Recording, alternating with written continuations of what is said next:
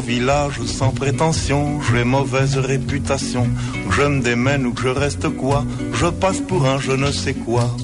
Je ne fais pourtant de tort personne en suivant mon chemin de petit bonhomme. Mais les braves, j'en aime pas que l'on suive une autre route que. Non, les braves, j'en aime pas que l'on suive Hola, une Santi Jiménez. Muy buenos días. Què, ja, ja m'has dit cursi, no? Abans No t'he dit cursi, sí. és que que bonic el que has dit aquest matí. Eh, sí. No, no. M'estàs dient cursi No. a la cara. No passa res. No, no. Contentíssim de ser cursi. No, no. Contentíssim de ser cursi. Molt bé, si aquest és l'esperit amb aquest construir una nova república. Què tal, Malcom Otero? Bon dia. Què tal? Bon dia, des Perquè- de Frankfurt. Ah, és que és el que anava a dir. Avui el Malcom Otero ja ha engegat la seva gira mundial i ja vés a saber si... És una mica com quan comença MotoGP. Sí, sí. Que... Més o menys va així, com una moto. Oi que sí? Va com una moto. Mira, avui estan al, al Japó, els de MotoGP, em sembla que venen tres setmanes seguides o quatre, que estan rondant per Àsia, i el, i el Malcom vés a saber. No. Que, que hi ha fires, ja, ja, ja és la fira de Frankfurt. És la Fira de Frankfurt. No és que Ah. estigui canviant la seu, sinó que he vingut aquí a treballar una mica amb, el- amb els llibres. Hosti, però ara... No és ara que fa 10 anys del discurs del Monzó. No va ser el 2007, precisament. Exacte.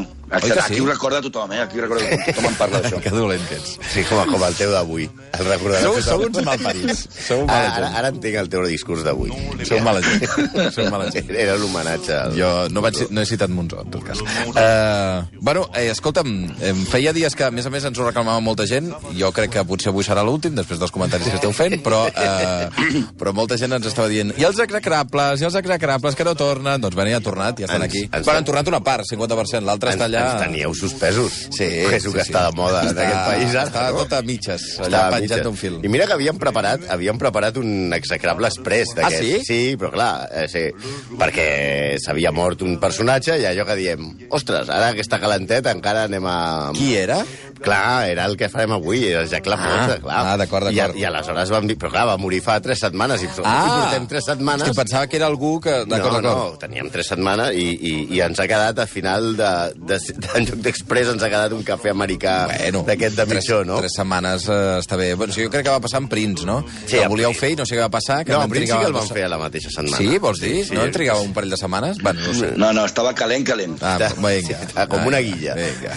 Ai. I, I, bueno, pues això, pues parlarem de... Jo, de bo, jo no sé per què la gent no s'estima tant. No, perquè som, som adorables. Sí, molt, molt, molt. Som molt. Adorables. autèntics gremlins. Sí, Sí, els il·lustres adorables. Sí, sobretot si no se'n van a dormir. Exacte. Uh, el, uh, beuen aigua. Avui, par esclar, avui parlarem de, pues, això de Jack LaMotta, el que coneixereu perquè va fer una de les millors la seva història és una de les millors pel·lícules de Martin Scorsese, interpretat per Robert De Niro, que va guanyar el seu segon Oscar a la seva carrera, cosa que el va permetre tocar-se la parola i després dedicar-se a fer coses com Los padres d'ella i tot això, no?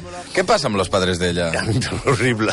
No, jo, jo m'ho he... Sí, no, clar. M'ho vaig passar bé. Sentint aquest matí no m'estranya.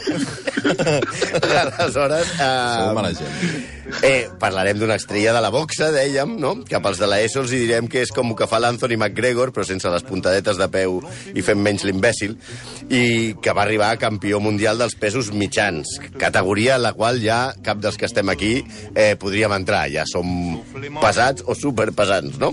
Mm. Per molt que amaguem la panxa, no? Aquest matí deixem cau a un gran de l'esport que es va convertir en comediant, en stand-up comedy, tipus Pepe Reina a les celebracions de la selecció espanyola de futbol, una icona popular, però també era un maltractador, un violador, trampós, mafiós, cruel... Avui caurà a la lona Jacobe Lamota, més conegut com Jake Lamota, o molt més conegut com Toro Salvatge.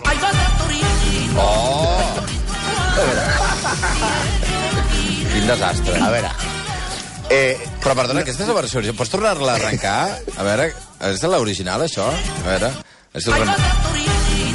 No recordava que tenia la veu tan aguda. De debò. clar, perquè pensa, estem, estem Hosti, parlant del Fari, no de Barry Pensava que White. estava... eh? Això sí, però, però no... no... No. Si pensava que estava accelerat. A veure, saps, que- saps, saps aquells discos de, No, de, sí que barruf, sí. de barrufets? Sí, una mica, saps sí, que sí, és sí, un sí, sí. puntet Pot molt, molt ser. agut. Bueno, és l'única oportunitat que teníem de posar uh, el Fàries a la secció, que no la deixem passar per alt. Ara anem seriosament. Y a pesar de lo que todos ustedes han podido ver, la mota no quería abandonar. Quería seguir. Eh, Ray. Yo no me he caído, Ray. No me has derribado, Ray. ¿Me oyes? No me has derribado. ¿Eh? Mírame. Aquesta, aquesta és una escena memorable de Toro Salvatge i capta l'escena del personatge, l'essència, vull dir. Ara anirem desgranant aquest personatge, però per què ens fem una idea, i perdoneu aquesta veu que tinc, que no sóc calfari, És que una mica fari sí que estàs, eh? Què va? una mica fari, sí. Quan van a veure Toro Salvatge, Robert Niro feia d'ell, va preguntar a la seva exdona Vicky si ell havia estat tan mala persona. La dona li va contestar, no, eres molt pitjor. Hosti. Així que els que, pels que recordeu la pel·lícula, sapigueu que està adulcorada. Ah, a sobre està adulcorada, era eh? Dura, mm. molt més dura. Sí, i com no, tot va començar amb una infància, com deia el Malcolm, molt dura. Però, però dura de veritat. La seva casa, per que us feu una idea, era un niu de rates. I no és una metàfora, és real. El seu pare era un sicilià violent que currava sense pietat a la seva mare, a ell i als seus germans. Al carrer també era una mica el nen a qui pegaven els dolentots del barri, fins que un bon dia va decidir agafar un punxó de gel pels de la... O sigui, el de, el de Sharon Stone, el d'Instint Bàsic, i amb la mà, ja, i amb la cosa punxeguda i metàl·lica, no que portava a la mà la Sharon Stone, i va començar a perseguir a qualsevol que es fiqués amb ell. Va decidir que a partir d'ara el dolent seria ell. Sí, un dia va arribar a casa plorant, amb el cap obert, i la cara feta un mapa. I no, no havia anat a cap a, a votar. Havia, fet- li havien fotut una pallissa de veritat. El seu pare, molt comprensiu, li va posar a la, se'ls va posar a la falda i li va dir unes sàvies paraules. Fill de puta, mai fugis de ningú. Vinga. Pega tu primer i pega fort. Apa, aquí. Anys després, la Mota explicava que aquella frase se'n va quedar gravada. Va ser l'única ensenyança que vaig rebre del meu pare. Això sí que és maco. Sí, home. I li va fer cas, i va començar, i Jack, el petit Jack, va començar a pagar. Otoe, hòsties, però Otoe. Sí, per tot arreu anava repartint com un campió. I ho feia també, se li donava bé, i ho feia tan bé que el seu pare, això no us ho perdeu, va començar a organitzar a baralles al carrer entre els seus fills contra els nens dels veïns. Ah, sí? Sí, allò, avui a les 8 baixa el meu, el meu Lamota petit i es barallarà contra el del segon tercera. Les, les bufetades que es pagaven eren tremendes. I clar, els nens al final acabaven plorant i... i... Però eh, el, els veïns, perquè els nens no deixessin de barallar-se, els anaven tirant monedes a on estaven barallant-se perquè no paressin de pagar-se, eh? Què dius? Sí, sí, això sí que és adoctrinar els nens i no l'infocar. es va fer, òbviament, un delinqüent i va passar pel reformatori, on va perfeccionar la boxa. I encara que mai, mai va ser un fi estilista, va saber canalitzar amb els guants la seva ràbia infinita. Abans d'això va passar una cosa que li va marcar per molts anys. Per tal de, trobar la, de, de robar la cartera a un corredor d'apostes del barri, li va pagar el cap amb una canonada metàl·lica. Perdó? Cartera- Un moment, Sí, sí, o sigui, la- li, li havia de robar la cartera. Sí. Sí, I va sí, sí, decidir que que, la millor manera era agafar una tuberia i, fo i, I- fotre-li el cap. Al cap. Una canonada, vaja. i- i- a Sí, perquè abans eren metàl·liques, ara no hi havia la merda aquesta del, del PVC. Aquesta mena de cosa de plàstic, no? Aquesta, el PVC. Allò era de ferro. Allò era ferro Pam. colat i nyacapum. Exacte, però el pitjor és que la cartera estava buida. No! Bueno, sí, el cap brincat. també. Però Jake va pensar que havia matat el, el paio aquell i va tenir molt, molts remordiments fins que va saber que era viu. Molts anys després va saber que ja van entrar, un dia se'l va trobar va a una festa i va aparèixer el tio que pensava que havia matat. Però tenia remordiments. No sembla que això és de, de, de bon, Però de bon noi? hi ha una cosa que, que em sorprèn. O sigui, la, a, a, aquí el que el fa saltar és que, la, a més, la cartera està buida. Sí. O sigui, no era que li havia donat un cop, és que potser l'havia matat i a I no sobre... i a canvi de I a, res. I a canvi de res. I a canvi de res, clar, En clar. realitat, Home, Home, aquest és el tema. A, a, arren d'aquestes actuacions i altres robatoris que va fer amb la seva pandilla, va acabar amb un reformatori, com deien, i quan va sortir, que ja era major d'edat, acaba d'esclatar la Segona Guerra Mundial. I ell, que tampoc tenia masses coses a fer, mira d'allistar-se a l'exèrcit. Però amb una decisió incomprensible de l'exèrcit americà, el van rebutjar. I el van rebutjar per culpa d'una apòfisi mastoide amb una orella. O sigui, és dir, que evidentment podia haver anat. Probablement això explica que la guerra durés 5 anys. Si l'arriben a acceptar i l'envien a Europa, la guerra hagués durat el que hagués triat Jack des de Normandia a Berlín repartint bufes a cada alemany que es trobés.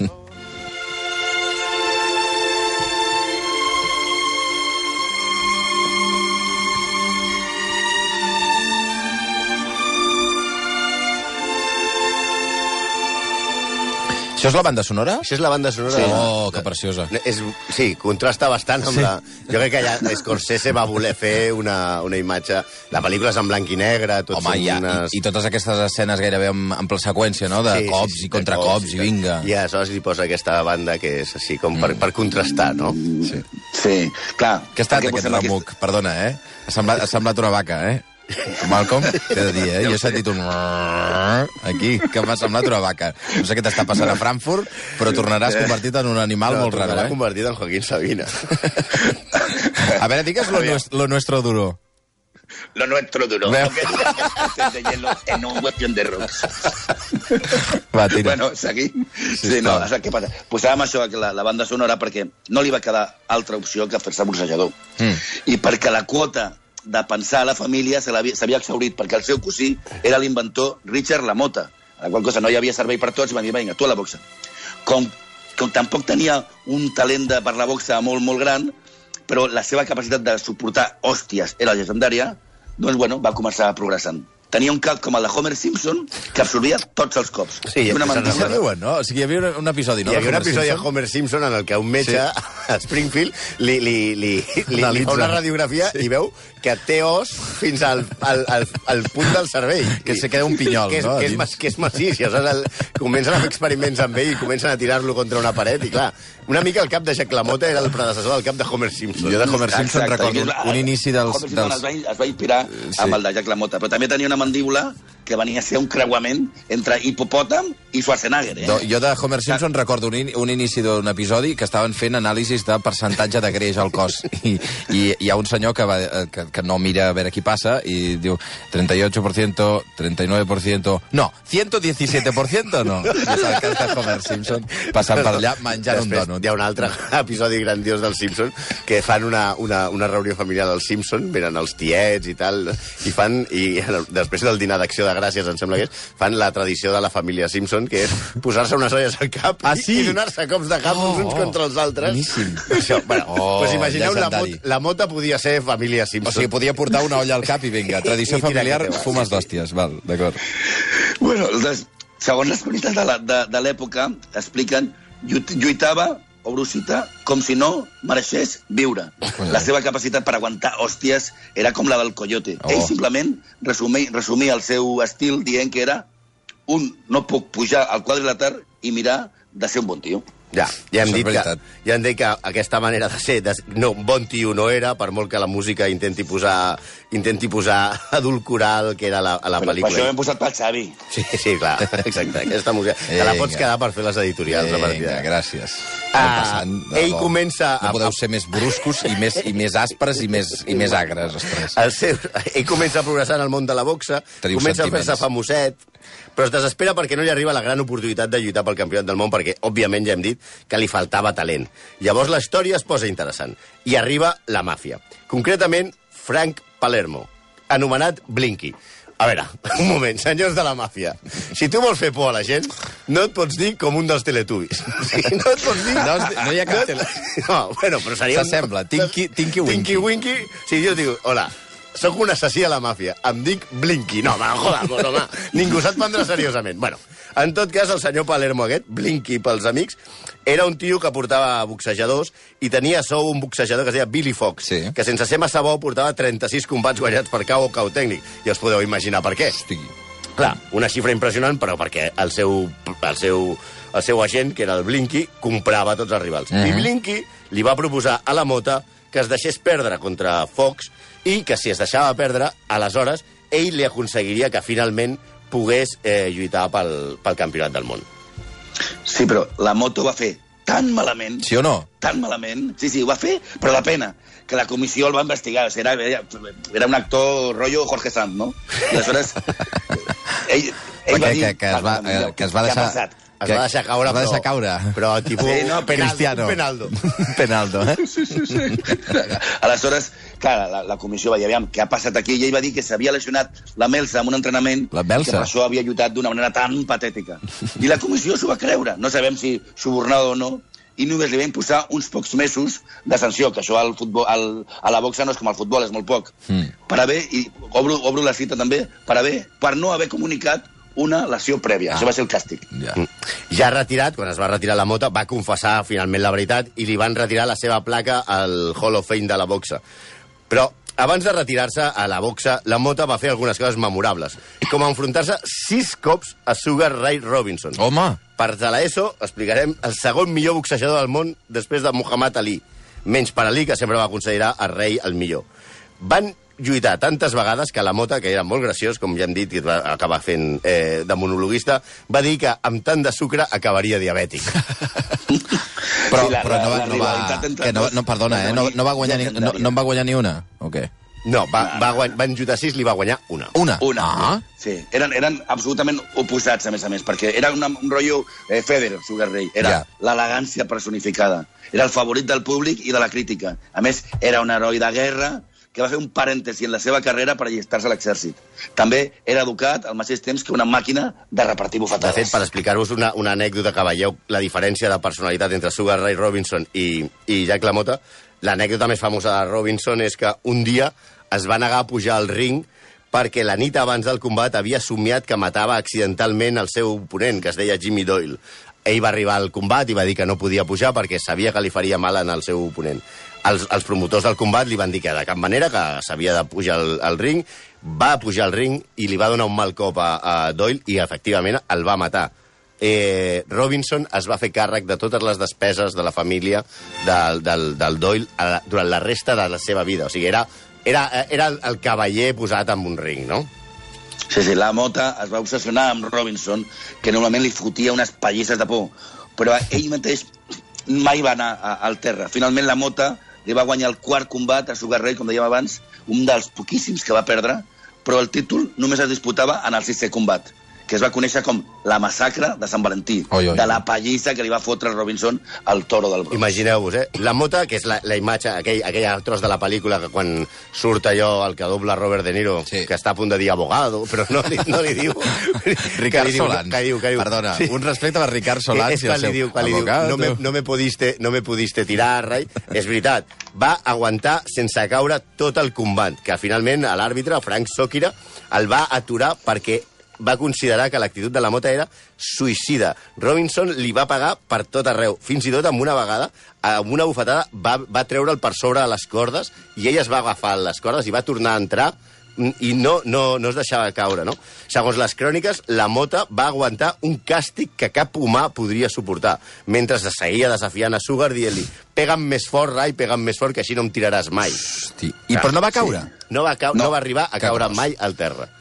Sí, tot, de totes maneres, tot i la pallissa, la Mota es va negar a anar a l'hospital. I després d'una hora al vestidor, reanimant-se a base d'oxigen i tal, va fer una roda de premsa en què no s'entenia res, ni una paraula. Ja, una mica com lo, de la, de la pel·lícula que no se l'intenta. Perquè, clar, evidentment, li faltaven les dents, no tenia Tot. tot. tot sí.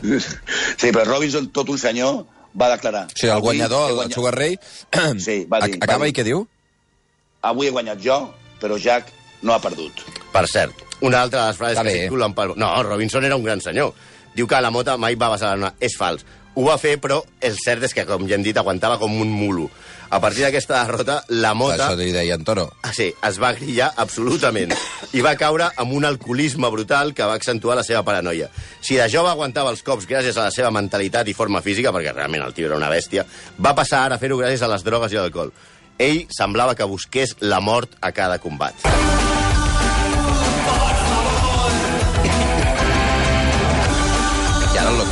Sí, perquè tenia un cert... Eh, una, un deje, digamos, una mica masclista, el senyor. Sí, El la sí, mota. clar. Sí, aquesta Sí, cançó sí, li hagués clar. agradat. No, però perdona, eh? O sigui, era un tio que, que arriba un moment en què decideix que ja tot el, tota la seva vida passa per gairebé morir al ring. Sí, sí, sí. Ell, Sí? ell destrossa la seva vida. Té- Entra en un procés d'autodestrucció a base de l'alcohol, i molt culte no era, i era un tio amb una personalitat rara, i comença, pues, la seva relació amb les dones. Ui. Clar, perquè no només era autodestructiu, sinó que era destructiu. La Mota es va casar set vegades. Set cops. Pagar... Set. Ja, normal. I va pagar a totes les seves dones. Mira, això va ser democràtic, les estimava igual. Sí. Les totes set. I- Igual de malparit amb tothom. Sí, sí. Sí, però al tanto, per justificar una pallissa a la seva dona, va dir, això és literal, eh? Si tinc una xicota i és maca i altres persones volen convidar-la i seduir-la, no et cabreges? Veia aquests imbècils que li deien coses i em molestava. Però jo realment no vaig mai colpejar les meves dones. Si les hagués, les hagués colpejat de veritat, correctament, haurien mort. Però què diu? Sí, sí. Sí, sí, o sigui, el, el Un Fari, animal, que dèiem abans, era un feminista, un feminista complet al seu costat. Hosti, quin animal, Eh, tu. Fins i tot, fins i tot ell va confessar eh, que ja de petit, em diu, eh, quan estava al barri, havia arribat a violar a una, a una de les seves Apa, aquí. veïnes. Apa, aquí. Sí, que a més era la parella d'un dels, dels seus amics. Sí. Un tros de pa, que em doi un tros de Sí, pa. no. Sí, de totes les seves dones, per això, la, la més famosa és la segona, Vicky. Una noia guapíssima, de la que la, hi ha unes fotos a YouTube, la, realment era una bellesa de dona. La Mota es va obsessionar amb ella quan la va veure en una piscina pública. La Mota estava casat amb la seva primera dona. Bueno, perquè només estava casat i... Sí. O sigui, tot el rato estava casat, aquest senyor. Sí, clar, Va estava casat, veu, veu a la Vicky a la piscina, s'obsessiona amb ella, deixa la seva dona i es, va- se'n va la Vicky. Res a dir, però és que la Vicky tenia 15 anys. Uf. Sí. La Mota va martiritzar Vicky tot el que va poder i més. Ella, absolutament enamorada, va mirar a salvar el seu matrimoni, malgrat les pallisses i els atacs de gelosia d'alcohòlic que tenia aquest tio. Va fins i tot apallissar el seu germà, Jack LaMotta, El- perquè sospitava que Ah, el, el seu germà, no, no el, el germà de la, de, de tenia, la noia. tenia, un, No, no. tenia un trastorn de gelos eh, obsessiu. Sí, I la per- per- que la, Per què, per què el va pagar, dius? perquè pensava que s'agitava amb la seva dona, que Mm. estaven liats. Una, una cosa malaltissa i absurda.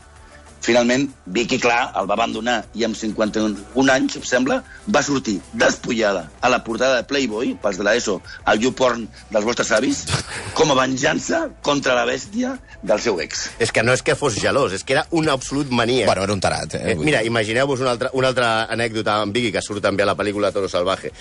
Només perquè la seva dona, Vicky, un dia, comentant amb ell, va dir-li escolta, el tio aquest amb el que et barallaràs ara, es diu un boxejador que es deia Tony Janiro, diu, és molt guapo aquest nano. I el tio li va dir, tu creus que és guapo? És guapo? Ja veuràs com queda.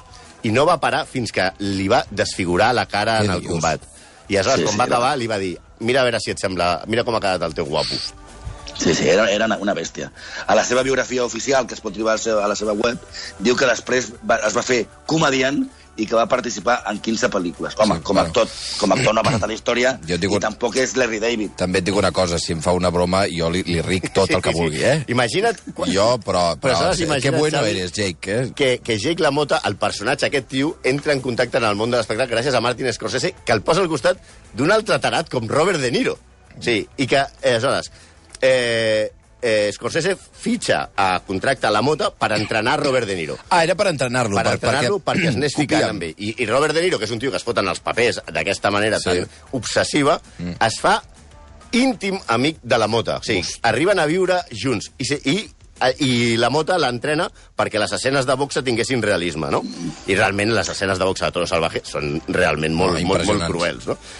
Es va ficar tant en el paper de, paper de Niro després d'estar amb el de la Mota que l'escena que grava, que roden, en la que De Niro pega a Joe Pesci, que fa del seu germà, li trenca les costelles. Ai, ai, en ai, veritat. Ai, ai, ai. Això ho sí, pesi. Joe Pesci, sí. Ai, de Niro ai, li ai, va ai. pagar de veritat. Sí, és que Denio també és un tarat. Sí. La Mota va reconèixer que la pel·lícula li havia salvat la vida perquè estava arruïnat i va fer-se, com deia el Santi, íntim de De Niro. Perquè el, el, la Mota diu, jo li deia que em pegués, ai, i carai, com pagava. Em va trencar quatre dents als entrenaments. Com? Sí, sí, De Niro li va trencar O sigui, el quatre... Jake, Jake LaMotta va perdre dents a hòsties de Robert De Sí, Niro? sí, es veu que De Niro Exacte. va arribar a ser un, un boxejador bastant, bastant Niro? digne, sí. Sí, sí, sí, Ai, va, va arribar a dir... arran de l'entrenament Sí, aquest? sí, sí, diu que podia haver sigut professional. Apa, aquí. Sí, sí. De, ell va dir, la Mota va dir, jo vaig perdre quatre dents, però vaig salvar la vida. A partir del film, que es va començar famós, va començar a actuar i fins i tot va fer una comèdia a Broadway, titulada Lady and the Champ, que el New York Times va qualificar com una debacle bifarra. Aquesta biografia oficial també diu que va ser propietari de diversos bars, tots ells anomenats amb un desparrame d'enginy Jack Lamota's Bar, que és com el senyor Marcelino va posar els seus bars a Barcelona, diguem-ne. Per què ens hem de matar? Bueno, és que a veure, també et dic una cosa, què vols que li posi? No, no, clar, clar. Al principi, El hogar del toro a salvaje. nosaltres, el Malcolm i a mi, com, com, com, com sovintegem bastant aquests locals, vam pensar que s'havia reformat... Quins, i que quins locals? Els bars? Els bars, clar. I que aquest sí que era un negoci útil per la societat. Fins que vam llegir l'obituari que li va fer el The Guardian, que sembla que eren bars, però no bars Per, qualsevol. perquè, perdona, Jake LaMotta m'heu dit que va morir... Eh, Va morir a la, fa ara fa tres setmanes. Tres setmanes. tres setmanes, d'acord. I, I el The Guardian li va fer I el seu obituari. un obituari. I eh, què deia sobre això dels bars? pues deia que, que els bars no eren Casa Pepe, eren, segons la, la, la No, era Casa, però no Pepe. Ja. Exacte.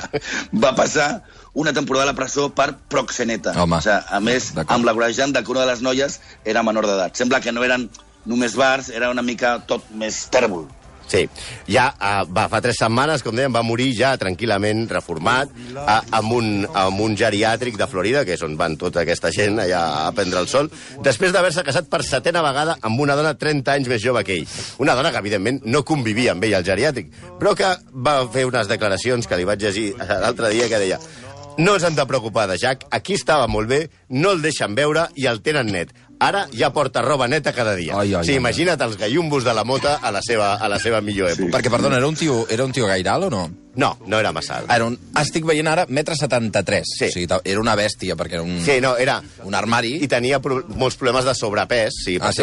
i ell intentava...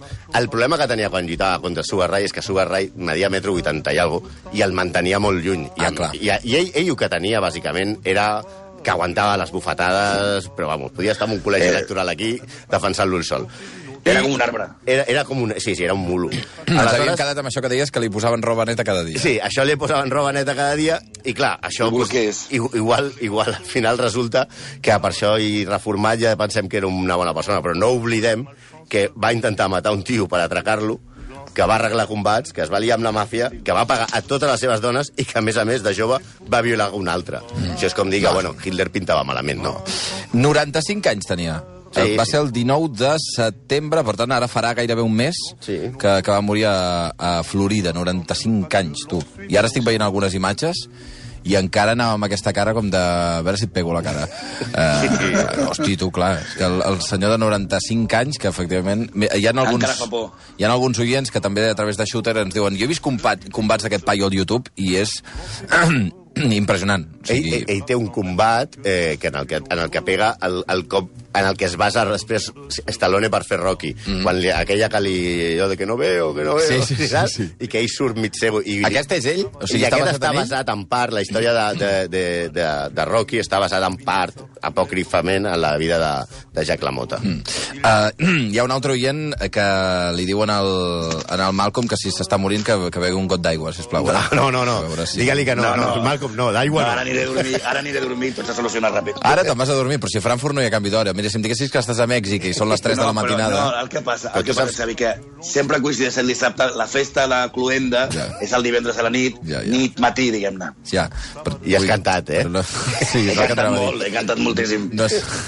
És que el karaoke de Fra els karaokes de Frankfurt són tremendos. Santi Jiménez, moltíssimes gràcies. A vosaltres. Lo nuestro duró, moltes gràcies, eh? Gràcies, Sabina. Quan tornis ja... A veure si, t'has transformat físicament en Sabina, també. Una abraçada, que vagi bé. Adéu.